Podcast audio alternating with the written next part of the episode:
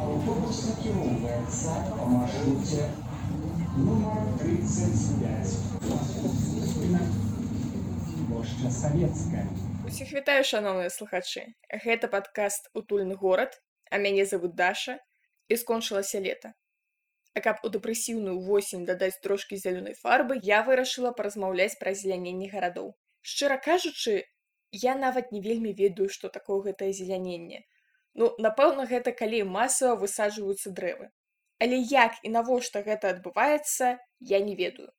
Адно магу сказаць, напэўна, з уласнага досведу. Калі я выходжу са сваёй родненькай панелькі і бачу вакол кіламетровыя абшары зялёнай травы і ніводнага дрэўца, мне гэта не вельмі падабаецца. І мне было больш прыемна, калі б у мяне каля хаты раслі вялізныя дрэвы, пад якімі можна схавацца ў летнюю спёку, але гэта толькі мары.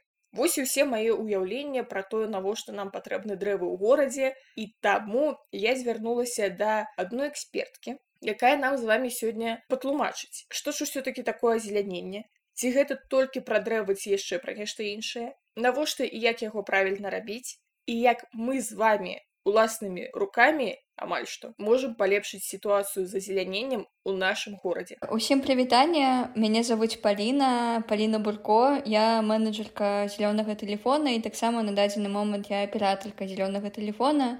Гэта такі праект, які дапамагае вырашыць экалагічныя праблемы, якія ўзнікаюць у людзей. Мы дапамагаем, напрыклад, складаць звароты, запрасіць грамадскае слуханне, ну увогуле шмат у чым дапамагаем. Да нас можна звярнуцца ў розных соцсетках, нам можна нават патэлефанаваць, але адзінае, чым мы заўсёды просім мець на ўвазе гэта тое, што мы не вырашаем самі гэтай праблемы, а менавіта дапамагаем людзям вырашыць іх. Класа можете правесці які-небудзь прыклад пра то, як да вас звярнуліся людзі, вы ім дапамаглі і нешта атрымалася з гэтага. Ну з мінулых выпадкаў да нас звярнулася жанчына, у якой у двары ёсць дзіцячы садок, і ў гэтым садку неправільна высекалі дрэвы то бок іх там увогуле высеклі цалкам хаця не мелі на гэта права і вось зараз гэты працэс ідзе ўвогуле але зараз ужо жанчына дамаглася таго што выпісалі штраф садку яна збіраецца ісці далей і мы таксама ў гэтым дапамагаем слухайте ну гэта цікавы выпадак я б напрыклад вельмі шмат бы аддала каб паштрафавалі мой уласны дзіцячы садок. Вось калі мы ўжо закранули тэматыку дрэў усяго астатняга акрамя гэтага чым яшчэ займаецца ваша арганізацыя толькі дрэвамі ці нейкая больш шырокая тэматыка увогуле не не толькі дрэвамі нават такімі праблемамі якія больш звязаны нават не з азеляненнем а з устойлівасцю то бок адсутнасцю кантэйнераў там для асобнага збору смецця ці калі напрыклад людзі паркуюцца на зялёных зонах ці напрыклад калі не прыбіраюць за жывёламі ува двары з гэтым усім мы можемм дапамагчы ну і таксама з такіх невідавочных праблемаў гэта пахі якія сыходзяць ад заводаў розных. Увогуле завода гэта наша любімая тэма напэўна. Таксама стан вады. Калі ў людзей вада ідзе дрэннай якасці мы дапамагаем штосьці з гэтым зрабіць супер вы зараз пералічылі ўсе тыя тэмы якія я сабе пісала. У спіс што я яшчэ хачу абмеркаваць у падкасці але давайте вернемся да азелянення менавіта. Скажитеце А что такое ўвогуле азелянення гараду Ну калі прям зусім з такога гуглаўскага паняцця ці з вкіпеды это просто працэс калі у горадзе з'яўляецца больш раслінаў і ён становіцца больш экалагічным. Ну але ўвогуле я б гэта не казала так. Хутчэй гэта спосаб гарадскога планавання з структуравання горада. Магу коротко распавесці пра гісторыю, як гэта ўсё пачалося з таго, што я ведаю пра азеленне гарадоў. Яно пачалося з 18 стагоддзя пасля вялікай французскай рэвалюцыі, калі пачалі паяўляцца вялікія гарадскія грамадскія паркі. Бо да гэтага у людзей не было такой магчымасці з-за таго, што ўсе гэтыя паркі належалі багатым толькі людзям. Але з-за таго, што пачаліся сацыяльныя праблемы, сацыяльна-палітычныя праблемы, гэтай зялёнай тэрыторыі пачалі з'яўляцца і ва ўладанні звычайных простых людзей. І яны пачалі станавіцца ну, так скажем камунальнымі то бок агульнага карыстання. Увогуле так працэс пачаўся актыўна з 19-20х стагоддзяў. Зараз адразу так напэўна гэта будзе наступнае пытанне да мяне навошта яно патрэбна гэтае азеляненне. Ну увогуле зараз гэта такое пытанне па-першае эстэтычнае, Таму што ўсё ж не хочацца напэўна нікому жыць у горадзе, дзе проста шэрыя будынкі. ну ці ў лепшым выпадку не шэры які-небудзь разнакаляровы але нікому не хочацца жыць просто вось сярод каменных джунгляў па сутнасці арганізоўваецца гарадская прастора калі таксама там ёсць месца прыродзе але з больш тэхнічнага боку гэта канешне ж напрыклад дапамагае пазбавіцца ад шуму лішняга напрыклад ад дарогі ці ад завода таксама якога-небудзь. Дапамагае таксама ачысціць паветра відавочна. Дапамагае стварыць дзень у тых месцах дзе гэта патрэбна.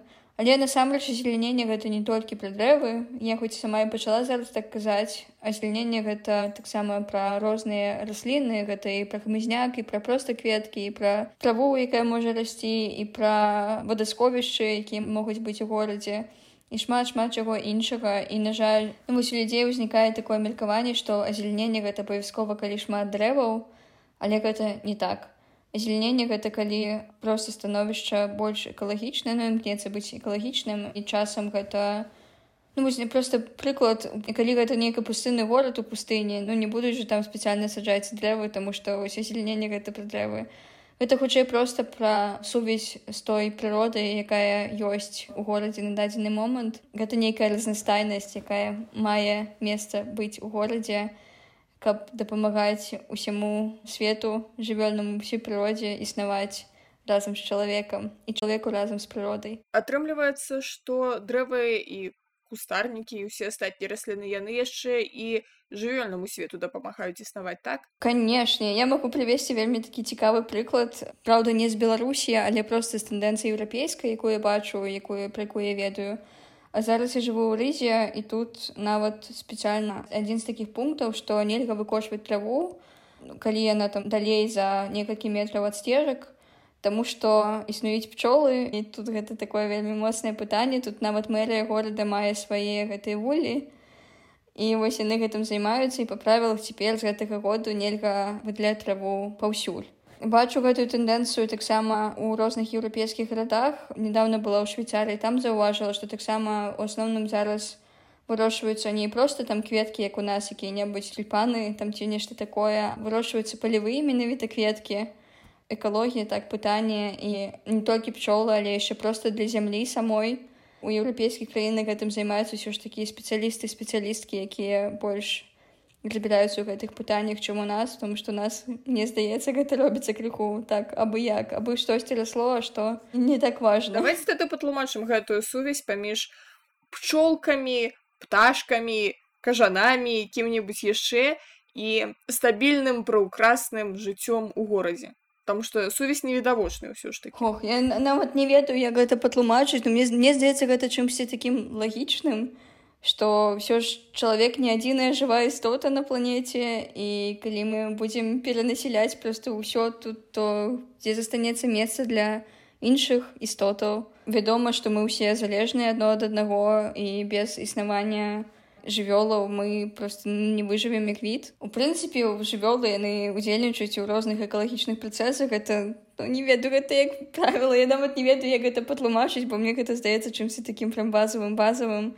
і вядома што ўсё яно мае права і павінна існаваць у горадзе у тым ліку. Зразумела. А як вам такое меркаванне што навошта напладзілі гэта галубоў лятучыя шчуры неяк так я чула? Вядома што чалавеку не заўсёды будзе комфортна калі чагосьці зашмат ці проста камусьці хтосьці не падабаецца ну такое жыццё. Землю сялянам фабрыкі працоўным дрэвы галубам. Напэўна трэба неяк суіснаваць разам Але канешне калі гэта не пераходзіць у праблемы калі напрыклад пацукі напрыклад калі іх занадта шмат вядома што гэта не прынясе чалавеку у тым ліку бяспеку і многім іншым жывёлам. Ну, тут патрэбен нейкі баланс. Ну але гэта напэўна ўжо пытанне не зусім экалогіі колькі пытання таго як мы з гэтым самі спраўляемся яквогуле арганізаваны гэты працэс гарадской можа гігіены. Зараз неяк прыгучала быццам я дыскрыміную нейкіх пацукоў. Гэта не так. Але ўсё ж былі выпадкі ў гісторыі, калі пацукі прыносілі няшчасце. Калі з еўрапейскімі гарадамі больш-менш зразумела, што яны шмат увагі звяртаюць на азеляненне гарадоў і ўвогуле хвалююцца пра лёс галубоў, мышак і ўсіх астатніх, то як з гэтым справа ў беларускіх гарадах? Як на ваш густ? У нас да гэтага няма ніякай справы. Ну аб гэтым ніхто не думае асабліва будуюцца дамы такія яскравыя прыклады гэта каменная горка якая-небудзь мінск мір дзе ну просто ёсць будынкі і больш нічога. У гэтым ёсць пытанне што нас ну па большасці ўсё вырашаюць грошы. І сітуацыя сацыяльна-палітычная якую мы маем у краіне. Ну напрыклад той же прыклад каменнай голькі трэба было пабудаваць вельмі шмат кватэр каб вось гэта сацыяльнае жыллё даць шматдзетным сем'ям. Вядома што трэба было хутчэй. Кватэры гэта было на першым месцы ўсё астатняе гэта ну як-небудзь перачакае Ну ці проста пытанне грошай як гэта больш мінск мір напэўна больш ты падыходзіць што пабудавалі кватэры які проста ну вось трэба прадаць бо гэта вялікі бізнес чым людзі думаюць гэта аб тым як атрымаць грошы а не аб тым як чалавек па сутнасці будзе жыць у гэтым месцы потым і на жаль чалавек сам які жыве там таксама не заўсёды задумваецца аб тым як ён будзе жыць бо не ва ўсіх ёсць дастаткова грошай каб купіць сабе іншую кватэру увогуле ну у нас напэўна мноства людзей няма грошай каб мець уласнае жыллё і тут ужо неяк ну пытанне стаіць у іншым добры прыклад гэта новая баравая як мне падаецца бо там ёсць ну мноства розных рэчаў там не толькі пра вось расліннасць а менавіта пра інфраструктуру саму двароў што людзям ёсць чым заняцца і гэта класна гэта файна. Але зноў-такі які кошт кватэраў гэтых. Я думаю што ён даражэй чым кватэры дзесьці яшчэ. Кошт на аренду нават там даражэй. Зразумела вас. Глядзіце калі мы звярнем нашу увагу на гродна ўсё ж таки я гродненка то у нас ёсць аналагічныя прыклады як з тым мінскам мір. Гэта ўвогуле амаль любы раён. Возьми там будзе 100-500 панельных хатаў але ніводнага дрэўца. Або такія малюсенькія танюсенькія дрэвы якія мне здаецца кожны год высаджваюся вялікага сэнсу ў гэтым няма. Як бы ёсць аналаг новай баравой. Гэта такі новы раён уздоўж нёмана на вуліцы лідскай і там быццам бы таксама прыгожыя дамы там дзіцячыя пляцоўкі такія файненькі ўсё астатняе. Але наколькі я памятаю з дрэвамі там таксама не вельмі. Не з дрэвамі не з кветкамі не з кустамі нічым такім Як вы думаеце, а з чым гэта зноў жа звязана? Ну быццам бы праектавалі даволі дарагое жытло для людзей, якія маюць грошы, вось у іх там усё так прыгожа, а дрэў зноў няма.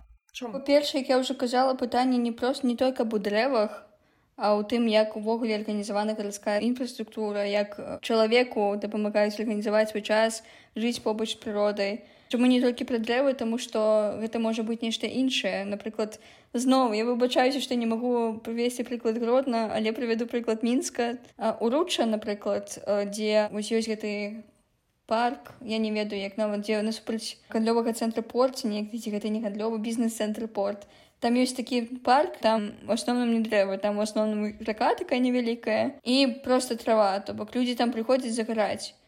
Але агулам чаму такое магло адбыцца калі напрыклад планаванне было добрым то бок там усё гэта падлічылі загадзя. Мачыма гэта пытанне менавіта ці карупцыі нейкай ці пытанне просто вось наше дзяржаўнага планавання яквогуле для расліны ўставіць то бок ну садзіць гэты маленькія тонкія дрэвы якія нікому нічога не прыносяць. У нас просто ёсць вось гэтыя камбіцаваныя пасадкі калі дзесьці высекаюць дрэва і замест яго садзіць там некалькі новых дзесьці А дзе пасадзіць гэта ўжо не так важна просто ёсць такі тыпу закон правіла і ўсё далі мы не задумаемся галоўнае каб усё по закону тыпу увогуле у нас вельмі складанае пытанне наконт азеленення тому что асабліва гэтым просто займаюцца там зеленбуд які-небудзь але ніхто асабліва не падлічвае ці не плануе гэта по-нармальнаму то бок няма агульнай працы там ландшафтных дызайнераў з рознымі навукоўцамі якія скажуць які будзе ўплыў на экалогію вось гарадской прасторы і так далей. У нас вось просто гэта ідзе ўсё ідзе по плану.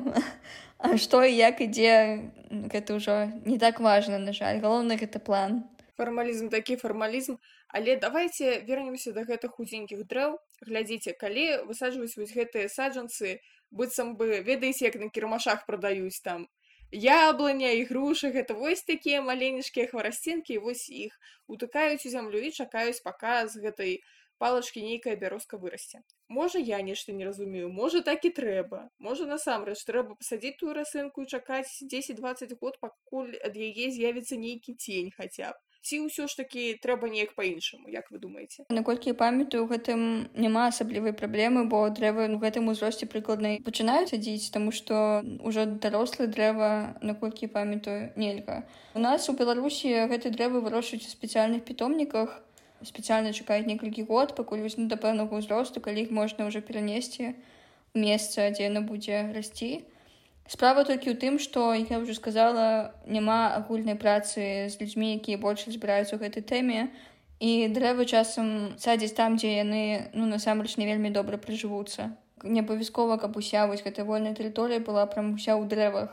Это можа быць і што заўгодна. Ведаеце мне здаецца ва ўсякіх такіх сацыяльных пытаннях калі прадстаўнікі дзяржаўнай службы выконваюць свае абавязкі чыста фармальна пустае пытанне А можа быць гэта варта ўвогуле перадаць прыватнаму бізнесу каб яны ўсім гэтым займаліся? Ці ўсё-таки гэта справа гарадской адміністрацыі? Як на ваш густ было б эфектыўней? Існуюць розныя абсалютна варыянты. Я больш схіляюся да таго што гэта справа дзяржавы то бок дзяржава павінна быць адказнай то нейкія дзяржаўныя інстытуцыі таму што гэта нешта такое даволі базавае што ёсць у нашым жыцці ўсё ж даваць гэта базавае нейкаму бізнесу які у асноўным мае пад сабой мэту мець прыбытак чым нейкія дабрачынныя мэты.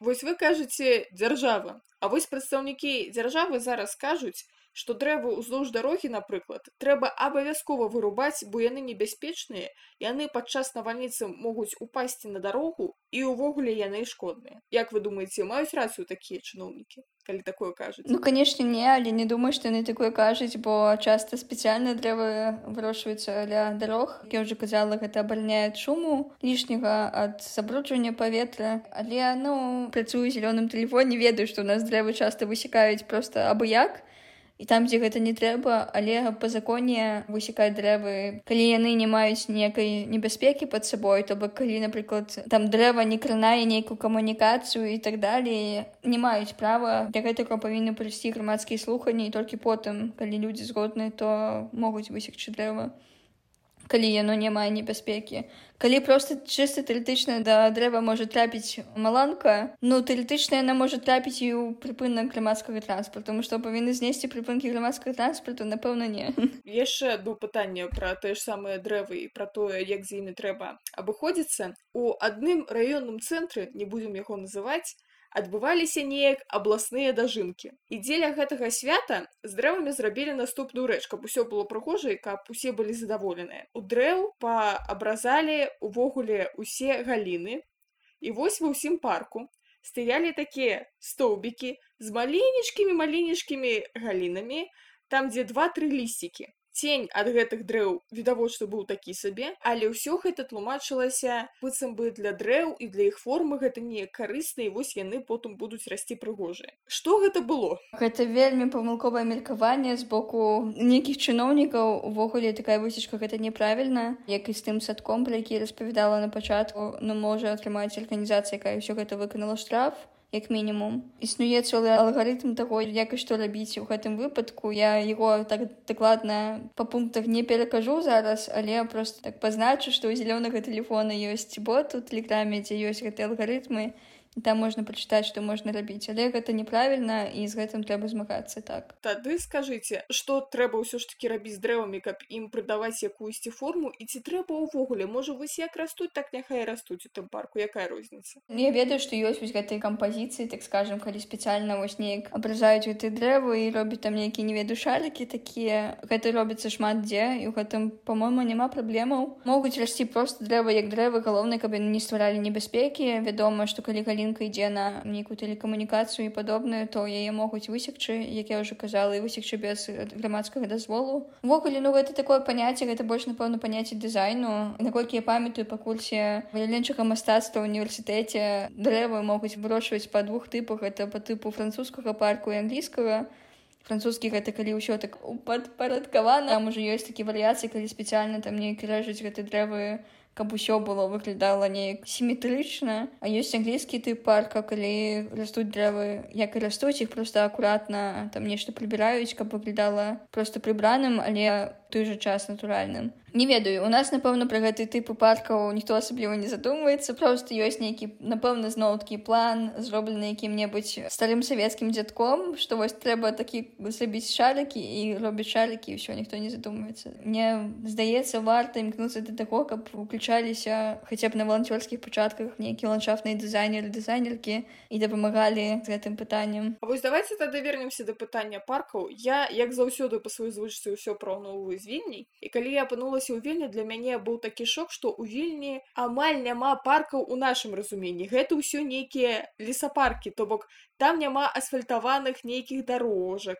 Там усё такое там нейкія быццам бы тропкі шляшкі дрэвы вядома там не падразаюцца наколькі я нешта ў чымсьці разумею. І ўвогуле калі ты заходзіш глыбей глыбей у гэты парк ты ўжо так начинаеш азірацца а ці няма тут якога клішча а каб мне тут каго не падсапіць вось гэта спецыфіка вільні. І я нават не ведаю як мне болей падабаецца. Таму я запытаюся як болей падабаецца вам? І так і так. У гэтым няма ніякага правілу яно можа быць па-розным як я ўжо казала ўвогуле вось гэта ўся гарадская прастора якая занята нечым прыродным яна павінна быць рознай і відавочна што дзесьці варта зрабіць арганізаваны парк у якім акрамя дрэваў будзе ну я напрыклад рыгі дзе я жыву вось мне побач дом між парку якім ёсць дзіцячы маленькі басейн типа такі камены і там дзеці пляскаюцца і вось гэта класна там у цэлым увесь гэты парк вельмі арганізаваны там ёсць асобныя зоны там зона з рэстаранам зона з фонтанам зона з басейнам розныя спартовыя пляцоўкі і просто трэба дзе пагуляць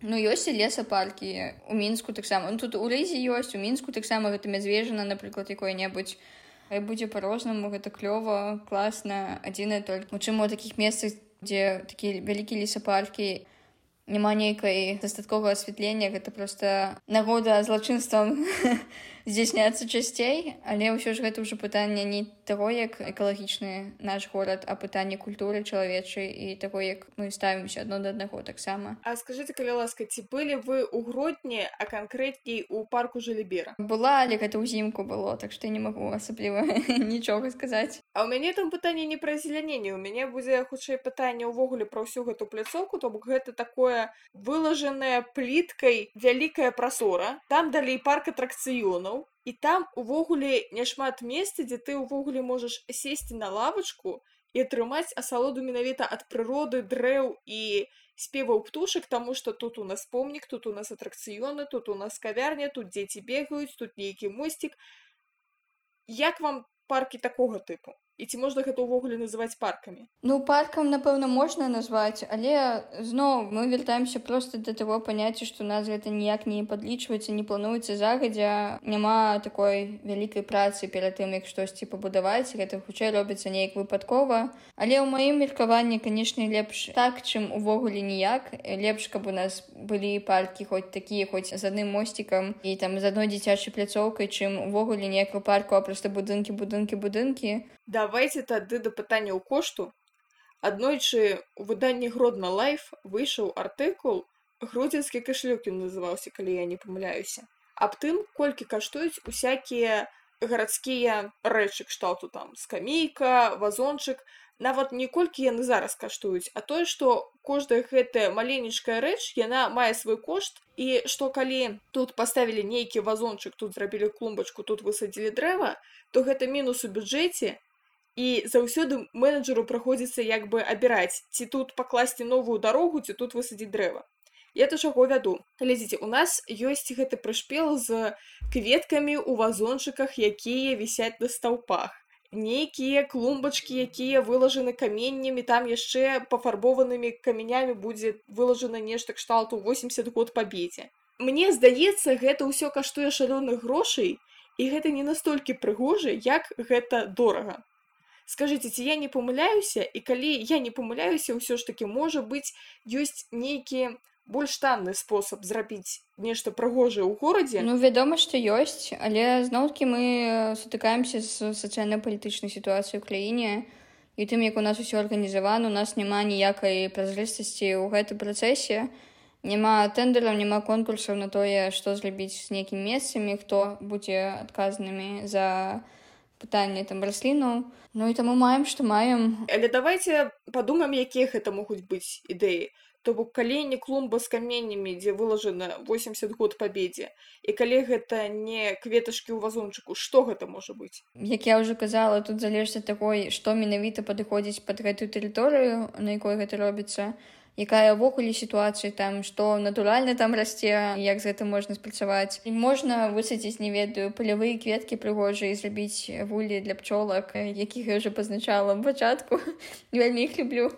Можна зрабіць тую ж дзіцячую пляцоўку паставіць проста крыху там зрабіць яе больш натуральнай можна зрабіць маленькае вадасховішча маё любімае самае чым я марыла што я хацела у беларусі вось у сваім двары разладзіць урбансад такі гэта калі ёсць нейкая пустая прастора у якой ставяцца скрынкі і ў гэтых скрынках можна штосьці вырошчваць і гэта такое тыпа агульнае для усяго двара. По-моему гэта офігенна мне заўсёды так жартую што вось марыла такое мець у сваім двары і калі пераехала ў рыгу выпадкова жыву прям побач з урбансадам такім арганізаваным хацелася б мець такое больш у беларусі гэта просто нават пытанне не эстэтыкі а ў тым як чалавек менавіта то бок гэта удзел многіх людзей якія жывуць на гэтай тэрыторыі вось у гэтым працэсе і нейкая свабода што яны могуць вырасціць штосьці самі і плюсам нейкая дапамога нават людзі якія вось не маюць вельмі такі вялікі заробак у якіх няма там лецішча куды паехаць яны могуць вырошчваць штосьці самі прямо ў сваім двары гэта прям класна А я вам магу сказаць аналаг такіх урбан-садкоў, таму што ў невялічкіх гарадах беларускіх звычайна для панельных дамоў старых ёсць маленькія гародчыкі, куды прыходзяць усе суседзі і там вырошчваюць агуркі. Не тое, каб гэта было супольнае камуністычнае нейкае ўтварэнне. Усё ж такі там усё размежавана па градках. І звычайна яшчэ на першым паверсе сядзіць якая-небудзь бабулька якая ўсё гэта пільнуе і не дай табе бог з'есці агурэць чужой градкі. Ну гэта ўсё даволі цікава выглядае калі ў нас тут панельныя дамы тут паркоўка тут агародчык. Ці можна гэта лічыць такім урбаністычным садам як вам падабаецца ці гэта ўсё ж такі нешта іншае? Насамрэч так это можна лічыць тым што мне падабаецца просто залежыць таго як людзі удзельнічаць у гэтым працэсе. І напэўна тут пытанне тым як арганізавана культура людзей ці скрадаюць яны гэтыя гулькі чужыя ці не вядома што ў тым садзе аб якім я мару таксама ёсць нейкая павага да таго да працы іншага чалавека калі чалавек вырошчвае для сябе і не дае табе ну па сваёй волі то відавочна я не хачу каб просто складалі з таго што маем у беларусі я ведаю такі прыклады нават у мінску я бачыла што людзі вырошчваюць там штосьці ў сваіх дварах прямо пад вокнамі часто гэта такія бабулькі менавіта якія робяць гэта таксама просто по сваёй ініцыятыве не хочацца быць такой нейкай нуднай зараз але скажу что просто так вырасціць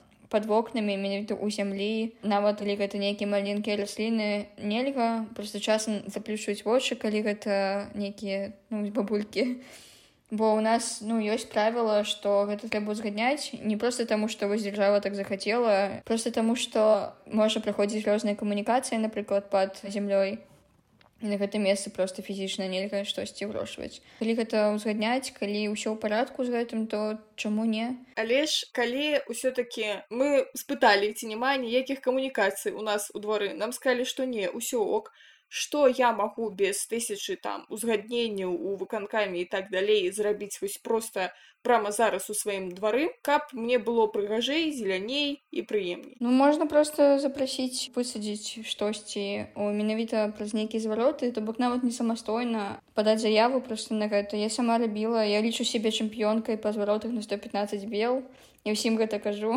115 белых гэта беларускі партал гарадской гаспадаркі зайдзіце туды калі яшчэ ні разу не заходзілі я сама прасіла калі бачыла нейкі пустыя месцы прасіла там нешта вырасціць і вырошчвалі так мызняк нават той жа могуць пасадзіць ці там некае дрэва ідуць насустрач на здзіўленне тому что параўнанне з чымсьці іншым там з рамонтам чагосьці гэта не настолькі дорага нормально атрымліваецца калі не 115 бел то можна звяртацца ў жэс ці ў таварыства ўладальнікаў ці калі гэта не дваровая тэрыторыя то зеленбуд у іх ужо удакладняць гэтае пытанне можна я думаю з імі дамаўляцца і штосьці вырошваць самастойна ці каб яны давалі і чалавек саджаў сам можна нават самастойна купіць нейкую расліну таксама пасля ўзгаднення калі вам хочацца менавіта нейкі тып дрэва пасадзіць можна гэта зрабіць пасля ўзгаднення можна паехаць у спецыяльны пітомнік у які можна выбраць дрэва нават нейкае экзатычнае можна галоўнае вось што я хочу заўсёды параіць што калі гэта ўсё ж побач з вокнамі ці калі гэта такая тэрыторыя з якой звязана шмат людзей усё ж гэта варта удакладняць суседзямі і суседкамі тому што ну не все можа падабацца нават банальна у кагосьці можа быць алергія просто. Але глядзіце мне здаецца што акрамя таго у нас яшчэ і не ўсе дрэвы прыжывуцца то бок калі я паеду ў пітомнік і набуду там пальму я яе канешне магу высадзіць у двары Але я не думаю, што праз пару месяцаў мы ўжо будзем есці з яе фінікі. Скажыце, калі ласка, можа ёсць нейкія абмежаванні па вось гэтых раслінах, што лепей прыжываецца ў нашым клімаце, што горш. Ну наконт пальмаў, канешне, наўрад ці пальму можна знайсці ў пітомніках і плюсам да таго звычайны зеленбуд падказвае, бо якраз таксама мела нядаўна камунікацыю з менскай урбаністычнай платформай яны якраз сказалі, што ў такіх выпадках часта зеленбуд прям вельмі рады, калі людзі таксама цікавіцца гэтай тэмай яны сапраўды дапамагаюць выбраць ці ну падказаць як вырошваць правільна а наконт таго што лепш выбраць каб вось ну прям зараз я сказала можна неяк прыпанцаваць потым да гэтага падкаста спасылку на артыкулы магу даслаць дзе напісана і паліна сапраўды даслала мне спасылку на артыкул как правильно пасадзіць дерева на сайце зялёны портал там написано і з кім трэба ўзгадніць пасадку і дзе потым саджанец набыць і як яго пасадзіць і як потым паліваць. І галоўнае там напісана якія расліны звычайна пражываюцца ў нашым клімаце.